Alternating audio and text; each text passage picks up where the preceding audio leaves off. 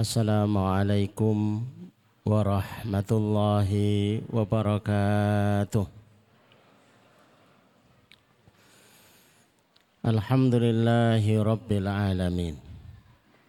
Wassalatu wassalamu ala asyrafil anbiya'i wal mursalin wa ala alihi wa ashabihi wa man tabi'ahum bi ihsanin ila yaumiddin. أشهد أن لا إله إلا الله وحده لا شريك له وأشهد أن محمدا عبده ونبيه ورسوله لا نبي ولا رسول بعده. اللهم اشرح صدورنا وتزوج عن سيئاتنا وهب لنا فهم الأنبياء والمرسلين Wahab lana fahma salafus salih. Allahumma anfa'na bima 'allamtana wa 'allimna ma yanfa'una wa zidna ilman wa na'udzu billahi min ahwali ahli nar. Allahumma la sahla illa ma ja'altahu sahla wa anta taj'alul hazna idha syi'ta sahla. Rabbi israh li sadari wa yassir li amri wa hlul uqdatam min lisani yafqahu qawli Rabbi zidni ilma. Subhanaka la ilma lana illa ma 'allamtana innaka antal alimul hakim. Rabbana atina min ladunka rahmah wa hayyi lana min amrina rasyada. Amma ba'd. Bapak Ibu jamaah sekalian yang semoga dirahmati Allah Semoga dicintai oleh Allah SWT, semoga dibarokahi dan semoga diridhoi oleh Allah Subhanahu wa taala. Alhamdulillah yang menghantar kita di tempat yang mulia ini diringankan langkah kita, dimudahkan urusan-urusan kita. Mudah-mudahan semudah kita melangkah di, di jalan talabul ilmi semudah itu pula kita dimasukkan Allah ke dalam jannahnya. Amin ya rabbal alamin. Bapak Ibu yang dirahmati Allah, sore hari ini kita bicara tentang rezeki yang resesi. Sempat ada kekhawatiran pasca COVID-19. Ada yang usahanya sepi, ada yang terpaksa gulung tikar, ada yang bingung mau diganti atau malah justru ya dihilangkan nggak usah punya usaha lagi gitu ya. Resep-resep apa yang ditawarkan Allah kepada kita di saat kita mulai rasakan kekhawatiran bahwa rezeki kita itu akan terancam resesi. Sehingga ada tindakan preventif dan kalau sudah ada di dalamnya ya tindakannya kuratif. Yang pertama Bapak Ibu yang dirahmati Allah kita mesti ngerti kurikulum ujian di dalam hidup kita. Ada yang ditaruh di awal, ada yang ditaruh di tengah, ada yang ditaruh di akhir. Ada yang di selang-seling. Tapi kurikulum ya namanya kurikulum kalau Bapak Ibu pernah merasakan dunia pendidikan di sekolahan itu akan mendapatkan semuanya. Kalau sudah tahu kurikulumnya, harapannya kita tidak terkejut.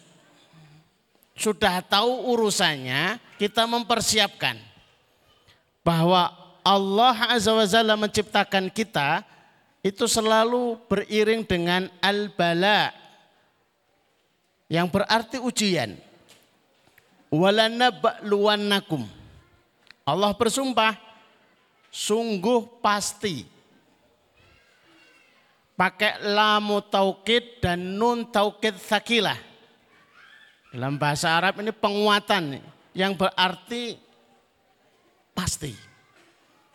Impossible nggak ngalami, semuanya pasti akan ngalami. Walanabluwannakum. Sekalipun sahabat Sa'ad bin Abil Waqas pernah bertanya kepada Rasulullah Sallallahu Alaihi Wasallam, man asyadun nasi bala'a Ya Rasulullah, siapakah manusia yang paling berat ujiannya? Sehingga tidak perlu kita kemudian saling menimbang. Kayaknya saya lebih berat daripada ibu-ibu, karenanya ibu-ibu lebih berat daripada bapak-bapak. Enggak. Kalau masih ukuran kita itu belum yang paling berat ukurannya. Ukuran standar. Ukuran yang paling berat disebutkan oleh Rasulullah Sallallahu Alaihi Wasallam Al-Ambiya, para nabi itu menempati ranking pertama ujian paling berat. Sehingga diceritakan di dalam Al-Quran sebagai barometer, sebagai mercusuar teladan untuk kita agar kita tidak kehilangan arah. Yang lebih berat daripada kita sudah ada. Kita tinggal ngikuti di belakangnya. Maka 75% isinya Al-Quran adalah kisah, cerita, agar mudah dicerna, agar mudah untuk dipetik dan diunggah ataupun diunduh maknanya. Coba kalau dalam bentuk teori-teori susah, tapi kalau dalam bentuk cerita.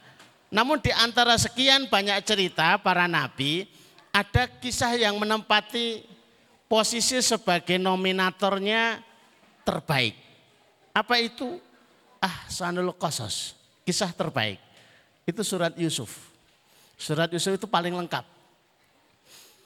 Walau alam apakah kita berkesempatan untuk membedah gitu ya.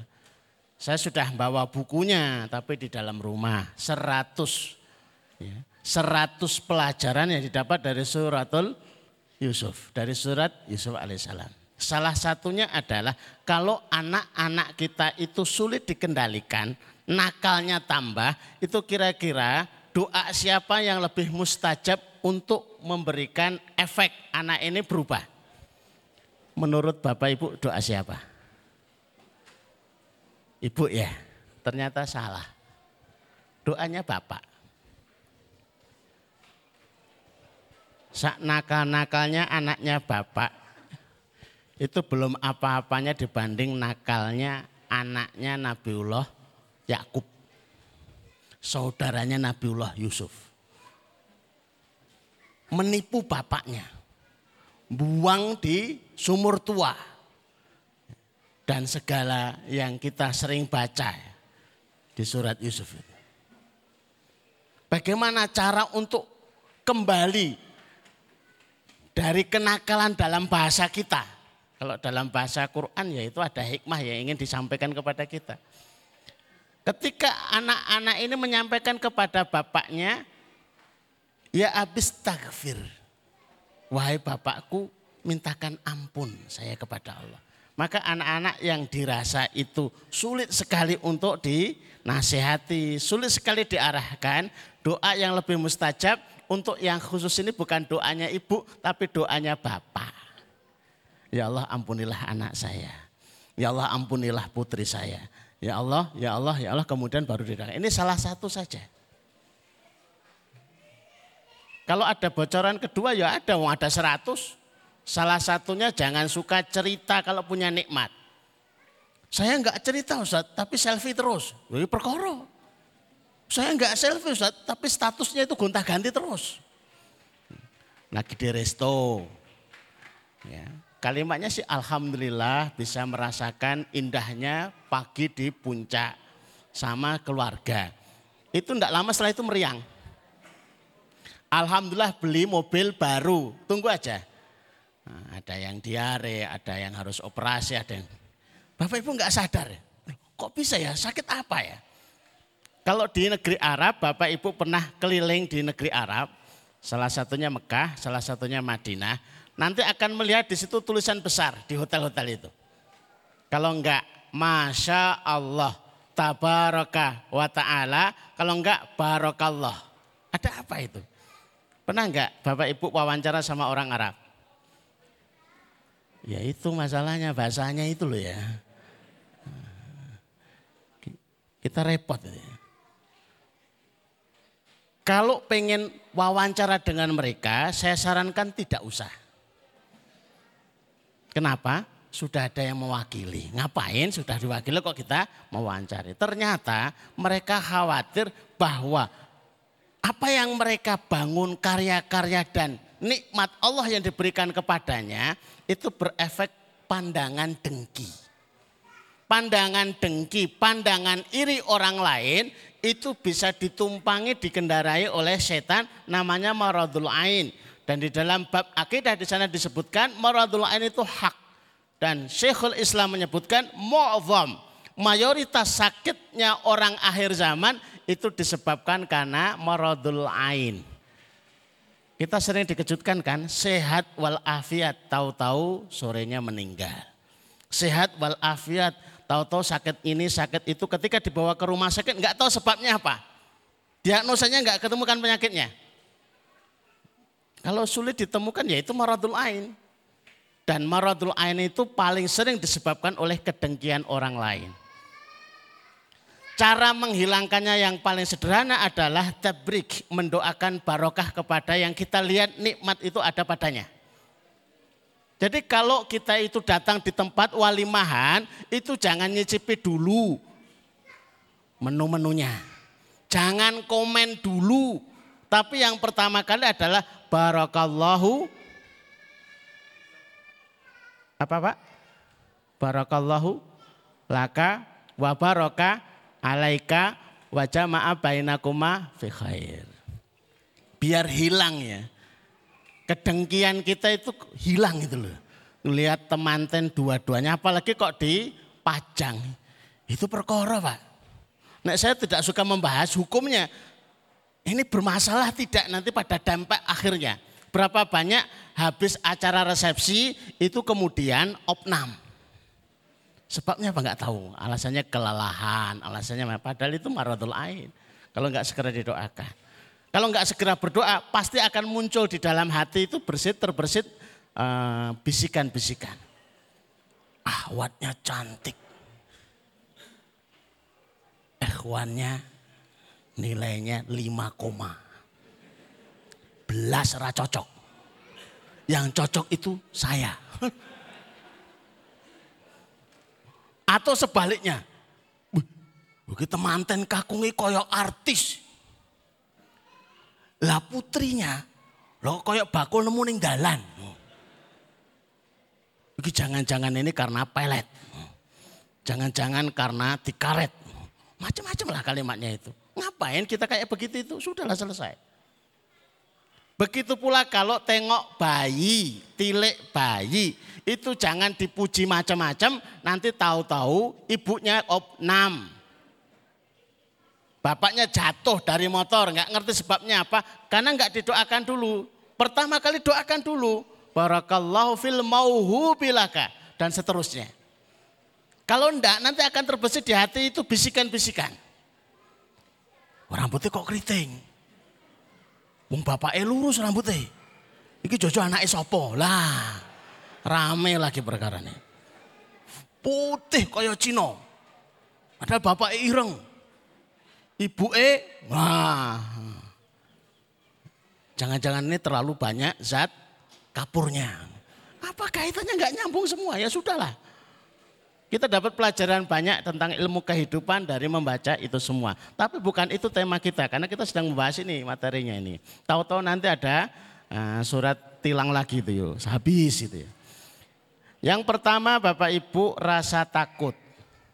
Begitu di media disebar ini dikhawatirkan resesi. Itu udah kita khawatir.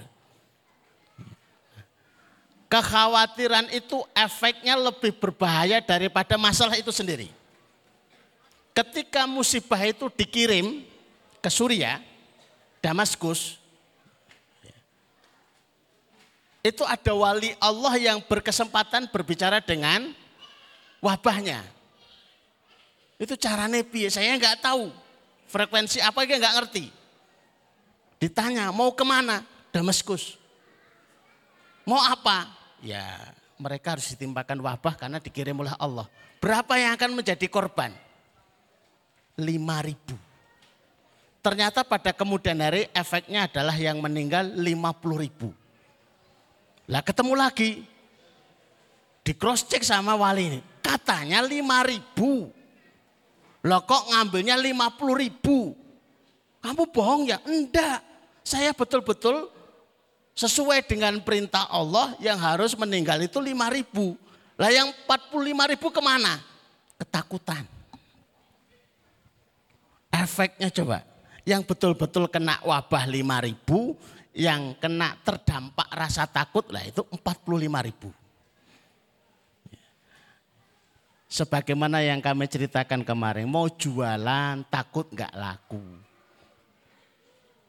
Ini kan cerita kami dengan jamaah yang konseling. Saat saya pengen punya usaha, ya sudah ternak kambing saja. Kalau kami ternak nanti jualnya gimana ya Ustaz? Ya yang penting ternak dulu lah. Enggak gini loh Ustaz, saya itu punya modal, nanti saya bisa beternak sekitar 40 ekor. Nah kalau sudah gemuk-gemuk terus jualnya gimana? Yang penting ternak saja. Gini loh Ustaz, saya itu punya usaha tahu kebetulan sama Bu. Nggak ampasnya itu bisa untuk pakan ternak. Nah kalau sudah 40 ekor jualnya gimana? Sudah tiga kali, terpaksa saya harus mengeluarkan kalimat memperjelas. Pak, saya paling tidak bisa menjual kambing dalam pikiran lebih mudah jual kambing dalam kenyataan. Sudah taruh di pinggir jalan itu laku kok. Berapa banyak kita ini terlalu banyak dalam pikiran yang digelisahkan. Mengingat, menimbang. Ya enggak jadi gitu loh ya. Enggak jadi. Maka rasa takut itu ditulis nomor satu. Dikira paling ringan. Enggak ini yang paling berat. Ada jamaah kami masuk ke dokter, sehat walafiat, masih kerja. Tahu tuh dokternya bilang, Mas, ini tuh penyakitnya kanker usus. Ini harus segera ada penanganan. Uh, kalau tidak ditangani, nanti ini dilubangi. Habis dilubangi, kemudian dimasukkan selang. Nah kalau tidak bisa tertangani, alamat mas, pulang dari rumah sakit nggak bisa jalan. Pada sehat walafiat nggak bisa jalan. Ternyata rasa takut itu luar biasa. Kami pernah menguji di pesantren untuk menunjukkan kepada anak-anak efek sugesti dan rasa takut itu. Saya pasang tiga anak, satu di kamar, satu di jalan, satu di tangga. Anaknya sehat walafiat, cuma mengatakan, kamu kok pucat, kamu sakit ya, pulang saja. Sama di kamar, loh kamu kok pucat? Ya. Kamu sakit ya? Pulang saja. Maksudnya di kamar saja nggak usah pulang ke sekelas. Jalan. Di tengah jalan ketemu lagi dengan temannya. Loh kamu kok pucat? Kamu sakit ya? Ke kamar saja. Di tangga mau naik masuk ke kelas. Loh kamu kok pucat? Kamu sakit ya? Ke kamar saja. Percaya enggak Bapak Ibu? Dia izin ke kamar enggak ikut pelajaran hari itu karena sakit. Wal afiat. Jangan-jangan kita juga suka ngikuti ini rasa takut ini. Jenengan iki ora bakat sugih, Pak. Wis to, manut wae. Qanaah, nrimo ing pandum.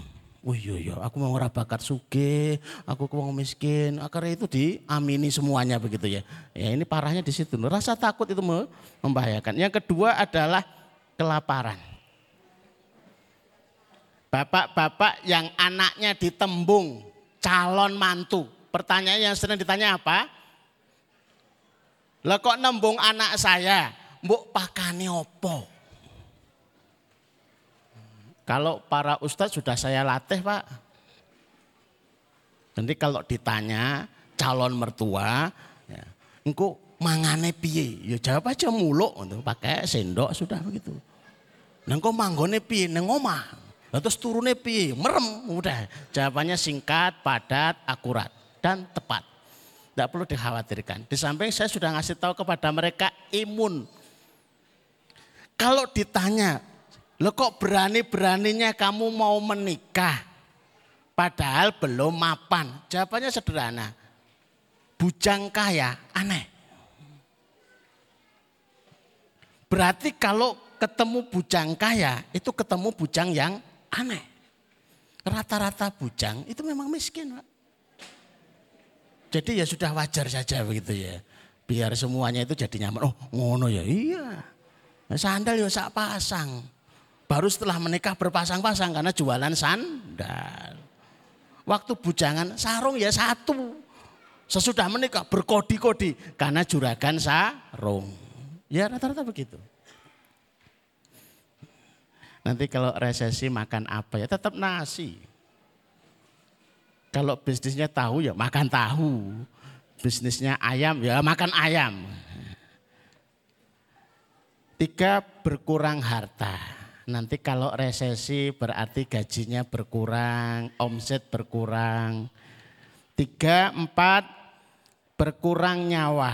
Ya kalau nanti kesehatannya berkurang, gizi berkurang, ancamannya akan sakit-sakitan, ancaman beratnya adalah nyawa. Itu kurikulum semua. Dan yang kelima, yang terakhir, kurikulumnya adalah berkurangnya hasil panen. Semuanya berkisar ini aja, muter terus begitu ya.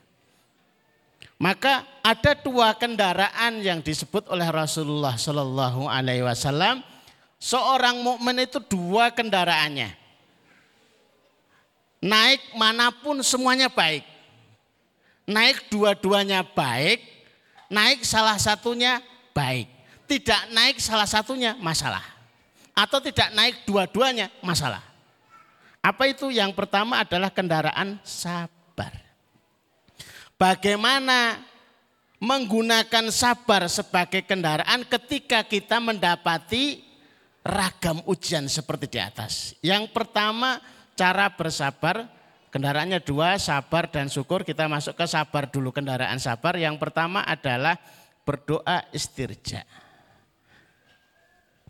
Saya perlu ingatkan ini mohon maaf agak digaris bawahi. Ketika omzet hari ini satu juta, kemudian besok jadi 900. Apa yang Bapak Ibu lakukan? Rata-rata itu cuma ngeluh tok. Ngeluh tanpa diikuti istirja, tidak ada efeknya apa-apa. Semula cabangnya ada 20, jadi 19 karena yang satu mengundurkan diri. Apa yang Bapak Ibu lakukan? Rata-rata diem. Nggak akan memberikan solusi.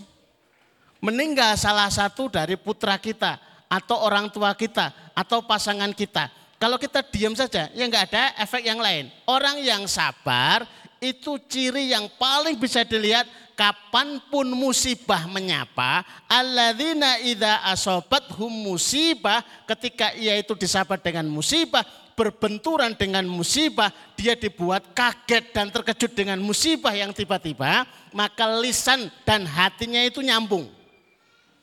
Inna lillahi wa inna ilahi roji'un. Kalimat ini umum untuk semua musibah sekalipun prakteknya sudah mulai menyempit. Kalau ada yang menyampaikan inna lillahi wa inna ilahi roji'un rata-rata apa yang tertanam benak kita sing mati so kucing. Sing mati sopo? Apa itu tanaman? Semuanya boleh pakai inalilah itu kok. Padahal inalilah itu ada pasangannya. Kalau inalilahnya sudah mulai terbiasa, walaupun ini juga password ya. Rasa hati termasuk beratnya hati, termasuk sulitnya move on, itu disebabkan karena kita tidak menggunakan password yang tepat saya itu punya Facebook. Passwordnya itu zikir. Suatu ketika saya lupa kalimatnya apa. Nggak bisa dibuka itu. Nggak bisa dibuka. Padahal sama-sama zikir.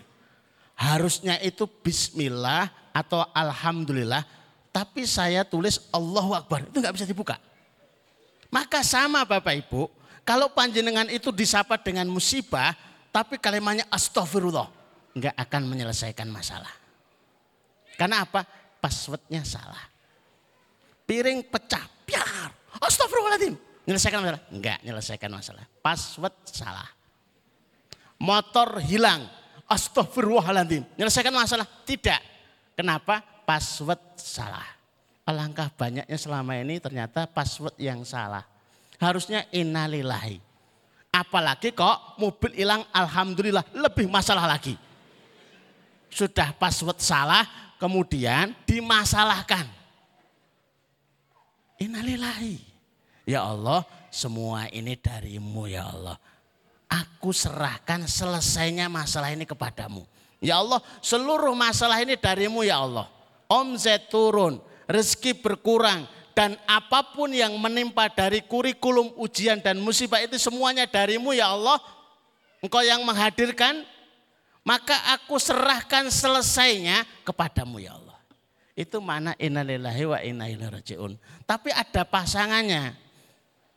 Biar itu mengobati hati. Pasangannya adalah Allahumma jurni fi musibati wa khlufni minha.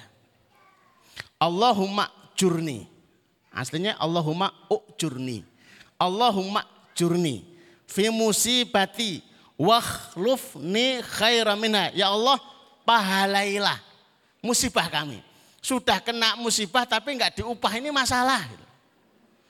Ya musibah-musibah tapi pengennya musibah itu membawa upah. Terus berikan ganti yang lebih baik. Asbabul wurud dari hadis ini adalah dari Ummu Salamah. Ketika suami tercinta Abu Tolhah meninggal. Siapa yang nggak kenal Abu Tolhah? Kalau di sini banyak yang nggak kenal. Tapi Abu Tolhah hari itu sangat dikenal oleh kalangan para sahabat. Orang kayanya Madinah. Orangnya dermawan, yang ganteng. Maka Ummu Salamah berpikir kalau ditinggal suaminya sudah tidak pengen menikah lagi. Sudahlah. Semuanya sudah apa ya tertinggal di diri Abu Talha. Namun karena Rasulullah punya petunjuk siapa yang kena musibah harus membaca ini maka dibaca. Walaupun hatinya itu yuk piye ya. Tapi karena berdoanya begitu ya sudah diikuti petunjuk itu. Maka sekalipun Bapak Ibu tidak apa-apa dengan musibah itu, tapi tetap harus berdoa. Kenapa? Karena mengikuti petunjuk Rasulullah sallallahu alaihi wasallam. Ummu Salamah tetap berdoa, Allahumma ajurni fi musibati wa khlufni khairan Dan itu pakai durasi. Kalau istri ditinggal suami, masa idahnya berapa lama ibu-ibu? Satu tak? Salah. Kok kayaknya enggak pengalaman. Kalau pengalaman lebih masalah lagi itu. Ya. Berapa tahun bu? Kalau ditinggal suami masa idahnya berapa? Lima bu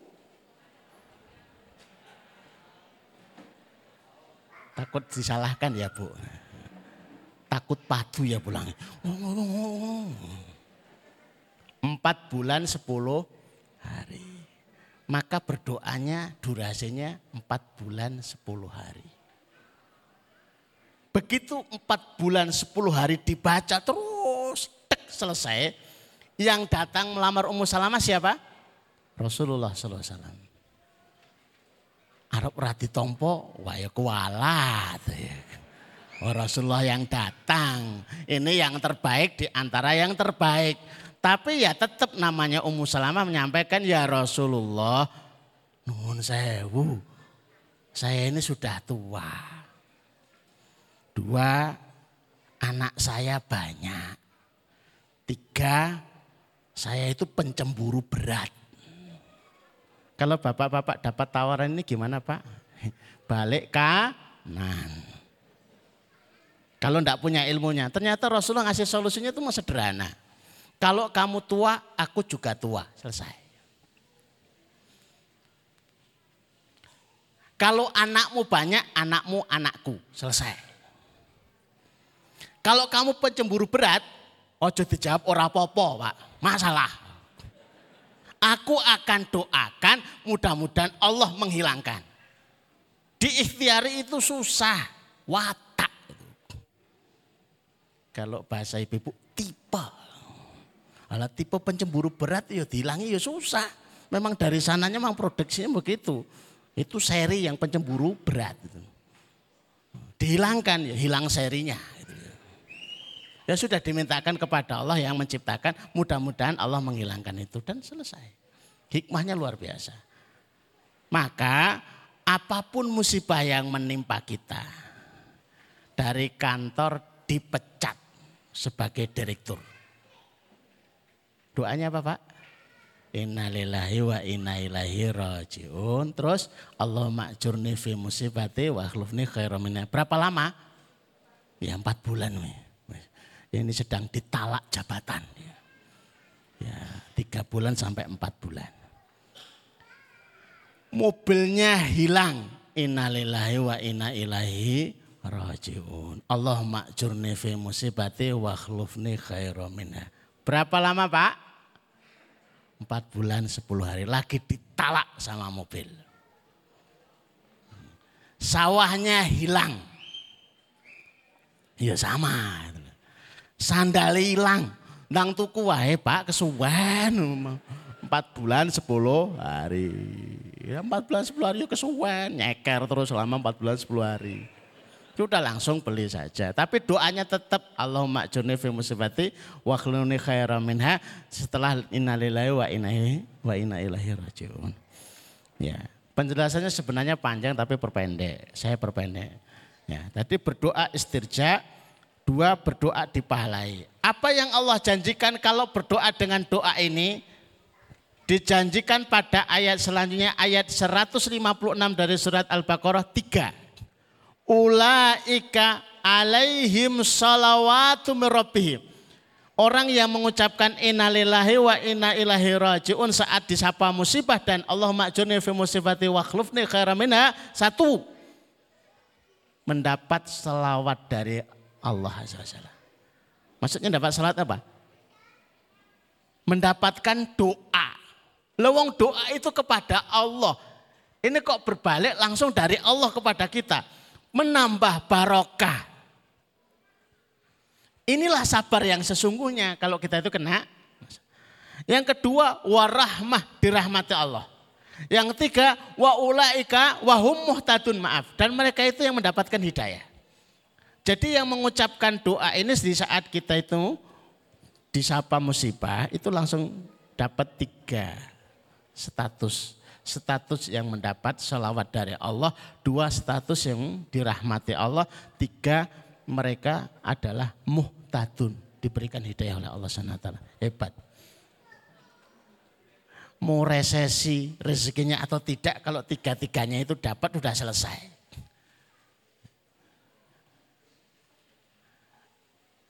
Kalau kita sudah dapat rahmatnya Allah itu yang kita butuhkan apa toh? Salawat itu arti lainnya juga selamat. Makna lainnya kayak kita mengucapkan salam itu. Mudah-mudahan panjenengan selamat, mudah-mudahan dirahmati Allah, mudah-mudahan diberkahi Allah. Kalau itu panjenengan itu megang kuat dan melazimi salam, kemudian ada musibah yang lewat, ya mestinya tidak akan kena karena kita sudah melazimi dengan tiga doa itu semua. Bapak Ibu yang dirahmati Allah, sekarang kita akan pakai kendaraan yang syukur. Kalau kendaraan syukur isinya apa tuh? Satu, kalau kita menggunakan kendaraan syukur berarti kita menggunakan motivasi tertinggi ketika beramal. Ada tiga motivasi ketika beramal. Satu, motivasi seorang hamba Allah. Budak. Kenapa panjenengan baca Quran? Karena perintah Allah, titik, selesai. Yang kedua, motivasinya pedagang. Kalau pedagang itu sukanya transaksional kalau beribadah. Kenapa panjenengan baca Quran? Kalau baca Quran itu diberikan lebih baik daripada yang meminta. Kalau baca Quran dikasih barokah, dimudahkan banyak urusan. Oh, kalau gitu aku tak baca Quran. Transaksional. Tapi itu jauh lebih baik daripada motivasi yang pertama karena perintah Allah. Udah selalu itu. Rata-rata masih males baca Qurannya. Yang kedua, kalau sudah transaksional itu lebih semangat lagi. Tapi yang paling tinggi semangatnya adalah kalau motivasi itu digerakkan oleh rasa syukur. Maksudnya bagaimana sih rasa syukur itu? Kalau kita bertemu dengan orang buta, terus kita sampaikan, Pak, Bu, saya itu ada amalan. Dengan amalan itu Bapak bisa melihat. Apa itu? Baca Quran setiap hari lima juz. Uh. Kira-kira Bapak ini baca Quran enggak? Dia akan ngomong, asalkan saya bisa melihat jangankan lima juz. lima puluh juz pun saya akan lakukan. Tapi enggak ada. Ya cuma tiga puluh juz. Anak-anak yang ikut kuantum tahfid. akselerasi atau karantina tahfidz itu sudah kami kasih motivasi semuanya. Di sini kalian hanya boleh menghafal 30 juz, enggak boleh lebih. Dan 30 juz itu untuk dibagi 30 hari. Agar mudah pembagiannya kan kenapa 30? Biar mudah baginya. Sehari satu juz, sehari dua juz, sehari tiga juz, sehari lima juz, sehari enam juz, sehari sepuluh juz sudah. Kecuali Ramadan, kalau Ramadan itu bebas. Yang buta itu jangankan lima juz sehari, sepuluh juz tiap hari saya akan lakukan. Asal bisa melihat. Bapak ibu kita melihat. Apa nunggu harus buta kita itu untuk baca lima juz? Apa nunggu rabun kalau kita itu baca enam juz? Mana syukurnya? Apa nunggu kita miskin baru mau sotako? Apa nunggu bangkrut kalau kita itu baru jariah gitu loh. Banget itu. Enggak usah nunggu itu. Mari kita syukur, Alhamdulillah saya punya ini, Alhamdulillah saya punya tenaga, Alhamdulillah saya punya jari, Alhamdulillah saya bisa punya apa itu HP. Maka ini menggerakkan ketika Rasulullah itu ditanya oleh ibunda Aisyah radhiyallahu anha, "Ya Rasulullah, kenapa engkau itu tahajudnya kok kayak gitu? Engkau itu dosanya sudah diampuni semuanya, bahkan disiapkan stok ampunan sebelum berdosa." Kenapa sampai kakimu itu bengkak tahajud itu saking lamanya? Rata-rata tiap malam itu Rasulullah lima jam berdiri tahajud. Afala akuna abdan sakuro. Justru karena itu apa enggak boleh saya itu menjadi hamba yang bersyukur. Itu motivasi tertingginya. Kalau kita lihat ya Allah potensi kita terlalu banyak. Nikmat Allah terlalu banyak memanfaatkannya terlalu sedikit. Itu motivasi tertinggi. Kalau menggunakan kendaraan syukur motivasi tertinggi. Yang kedua, menggunakan kendaraan syukur semakin ditambah volume syukurnya semakin bertambah nikmatnya. La in syakartum la azidannakum. Maka kalau kita lagi pas sakit syukurnya gimana? Ya kita bersyukur yang disisakan. Ya Allah sekalipun saya badannya panas, kepala pusing, ya Allah saya ikhlas menerimanya. Aku serahkan sembuhnya kepadamu ya Allah. Mudah-mudahan aku tetap masih bisa beribadah kepadamu.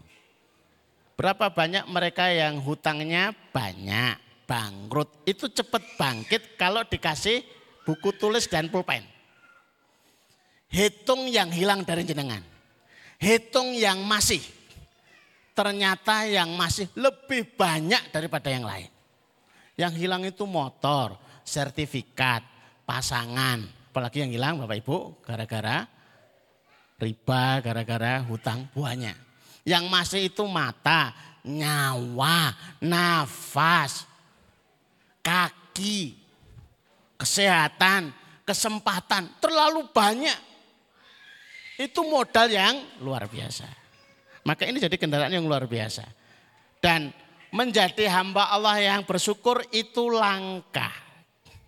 Wa qalilun min ibadiyas syakur dan amat sedikit hambaku yang bersyukur.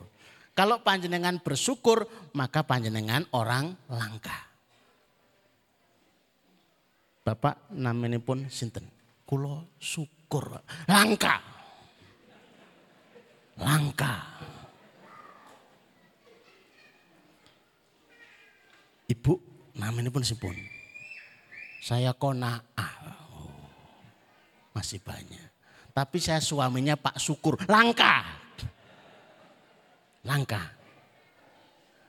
Bapak namanya siapa? Ibu namanya siapa? Saya namanya Ridho Pak. Ibu saya namanya itu Nrimo, Nrimah. Tapi anak saya itu syukur. Langka. Nah, kalau bapaknya syukur, anaknya syukur, kakeknya syukur. Ini keluarga langka. Sedikit sekali yang bisa bersyukur. Apa yang bisa kita tandai dari jalan syukur? Satu bersedekah. Cara mudah menunjukkan syukur itu bersedekah. Wa man kuttira alaihi rizquhu falyunfik. Siapa-siapa yang merasa rezekinya sempit, sedekahlah. Begitu sepi, sedekahlah. Begitu sempit, sedekahlah. Kok ambekannya, kok rasanya kok ora plong sedekah. Ini kok pelanggannya kok ketok uang sedekahlah. Saya itu baru baca kegemaran baru yang disebut apa, crazy rich. Orang-orang yang kaya-kaya betul tapi tingkahnya kayak gila. Salah satunya itu dilakukan ya yang ada di Indonesia itu ada. Mengeluarkan 113 triliun untuk sosial dan punya cita-cita bahwa di akhir hayatnya itu bangkrut. Hmm, kaya itu keinginan kayak gitu loh.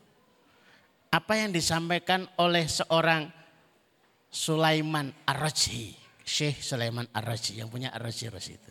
Ketika semua hartanya sudah disotakohkan, anak dan keluarga sudah dikasih bagiannya, bagaimana rasanya? Saya seperti burung terbang, lepas, bebas bebas. Oh begitu ternyata. Tidak perlu kita nunggu kaya untuk bersodako. Tapi bersodakolah semoga Allah mengkayakan dengan itu. Setidaknya kaya hati kita, kaya pikiran kita, kaya kesehatan kita. Yang kedua, menolong orang lain. Ini jalan syukur. Wallahu fi aunil abdi madamal abdu aunan ahi. Menolong orang lain itu sama dengan yang nomor tiga, zona wajib ditolong. Kapan kita wajib ditolong oleh Allah? Kalau kita nolong. Kalau kita nggak suka nolong tapi menunggu pertolongan, aneh. Kalau banyak mengeluh, saya itu kok nggak banyak yang nolong. Jenengan suka nolong nggak? Enggak, wajar. Yang suka menolong itu akan mengundang pertolongan. Maka di saat kita menghajatkan dan mengundang pertolongan Allah, banyak-banyaklah menolong. Bapak Ibu yang dirahmati Allah, selanjutnya adalah memegang janji Allah. Baik sabar, baik syukur, itu keduanya adalah sedang memegang janji Allah. Bagaimana konkretnya kita memegang janji Allah? Di sini ada beberapa. Satu, sholat. Sholat itu ada janjinya loh ya. Wa'mur ahlaka bisolah, wastabir alaiya. Perintahkan keluargamu sholat dan bersabarlah. Aku enggak minta rezeki buat kalian. Tapi sungguh dengan sholatmu dan keluargamu aku akan jamin rezekimu. Dua, full ibadah. Enggak saya buka ya, saya tahu ini waktunya habis. Semakin full ibadah, semakin kita ditanggung Allah. Tafarraq li ibadati dalam diskusi maksimalkan ibadah. Amla usadraka ghinan, aku akan penuhi hatimu dengan kekayaan. Wa asuddu fakroka, aku akan tahan kefakiran menghampirimu. Siapa yang menahan kefakiran? Allah yang maha mengkayakan. Siapa yang mampu mencegahnya? Jadi ibadah diperbanyak, sibuk. Siapa yang tidak mau lelah ibadah, dia akan dibuat lelah menghadapi masalah. Panjenengan pengen lelah karena ibadah atau lelah menghadapi masalah, itu pilihan panjenengan sekalian. Yang ketiga istighfar. Kalau panjenengan banyak istighfar, ternyata tidak kaya, yang masalah bukan istighfarnya, panjenengannya. Barangkali istighfarnya kurang dosis. Masalahnya sudah 30 tahun, panjenengan baru istighfar tiga hari. Tapi sudah protes, ya Allah saya sudah banyak istighfar tapi belum ada perubahan. Sudah berapa lama? Tiga hari. Tiap hari berapa? Seratusan. Masalahmu sudah berapa lama? 30 tahun. Ya sabar. Tolabul ilmi. Kok tolabul ilmi itu kok membuka rezeki? Dua orang pada zaman Rasulullah. Karena akhwani fi ahdi Rasulullah. Ada dua orang pada zaman Rasulullah. Adik kakak. adiknya itu telabul ilmi, kakaknya kerja. Lah kakaknya yang membiayai adiknya telabul ilmi. Kakaknya datang kepada Rasulullah kemudian protes, ya Rasulullah. Lo kok penak men adikku. Saya yang capek-capek bekerja menghasilkan uang. Lah adik saya cuma duduk tolabul ilmi saya yang biayai. Ini enggak adil. Tapi justru kalimat Rasulullah la alaka turzakubi. Kamu itu dapat rezeki ya gara-gara adikmu. Kalau kamu itu enggak biaya adikmu, kamu belum tentu kerjamu itu beres. Kalau kita enggak tolabul ilmi, ya kita biayai mereka yang tolabul ilmi. Itu kan menggerakkan yang di langit karena itu sudah merupakan janji Allah Azza wa Yang ketiga, nun sewu menikah. Tadi kan sudah di, disampaikan ya. Iyakunu fukoro, kalau menikah itu dalam kondisi fakir, Allah yang mengkayakan. Saya tidak memperjelas ini nun saya Bapak, nanti tidak padu. Dua berpagi-pagi. Karena nanti bapak-bapak mesti tanya bu, nah mesti nikah cek miskin terus piye? Nah itu harus konseling itu. Berpagi-pagi, Tabakkaru fa innal fil bukroti barokah. Berpagi-pagilah karena waktu pagi itu barokah. Jangan buat tidur pada subuhnya. Berbakti kepada orang tua. Al Hasan Al Basri itu ditanya,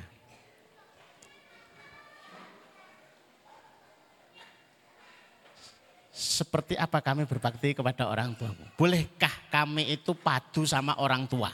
Tidak boleh. Tambahan alasan apa? Sampai dengan sandalnya saja nggak boleh. Bolehkah kami padu dengan orang tua? Tidak boleh.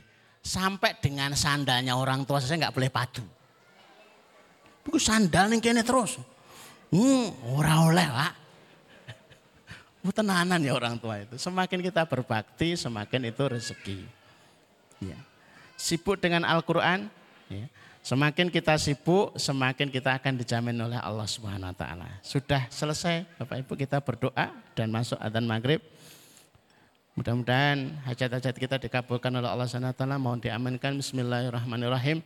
Allahumma salli ala Muhammad wa ala ali Muhammad kama sallaita ala Ibrahim wa ala ali Ibrahim innaka Hamidum Majid. Allahumma barik ala Muhammad wa ala ali Muhammad kama barakta ala Ibrahim wa ala ali Ibrahim fil alamin innaka Hamidum Majid. Alhamdulillahi rabbil alamin. La ilaha illa anta subhanaka inni kuntu minadh dhalimin. La ilaha illa anta subhanaka inni kuntu minadh dhalimin. La ilaha illa anta subhanaka inni zalimin. Allahumma ya Rahman ya Rahim, ya Hayyu ya Qayyum, ya Dzal Jalali wal Ikram. Allahumma ya Rahman ya Rahim, ya Hayyu ya Qayyum, ya Dzal Jalali wal Ikram. Allahumma ya Rahman ya Rahim, ya Hayyu ya Qayyum, ya Dzal Jalali wal Ikram. Allahumma inna nas'aluka min khairin ma sa'ala minhu Muhammad sallallahu alaihi wasallam wa na'udzubika min syarrin ma minhu Muhammad sallallahu alaihi wasallam antal musta'an alaikal balag wa la haula wa la quwwata illa billah ya Allah sesungguhnya kami memohon seluruh kebaikan yang pernah diminta oleh Nabi kami sallallahu alaihi wasallam ya Allah sesungguhnya kami meminta perlindungan semua yang diminta oleh Nabi kami Shallallahu Alaihi Wasallam. Engkaulah tempat kami meminta, engkaulah yang menyampaikan segala urusan. La khawla wa la quwata illa billah. Allahumma barik lana fi ahlina wa barik lana fi amwalina wa barik lana fi makasibana wa barik lana fi awqatina wa amarina ya birahmatika ya arhamar rahimin. Ya Allah, berkahilah harta kami, berkahilah keluarga kami, berkahilah usaha-usaha kami, berkahilah waktu dan usia kami birahmatika ya arhamar rahimin. Allahumma dzib hammana, Allahumma dzib hammana Allahumma dzib hammana ya Allah angkatlah masalah-masalah kami ya Allah selesaikanlah masalah-masalah kami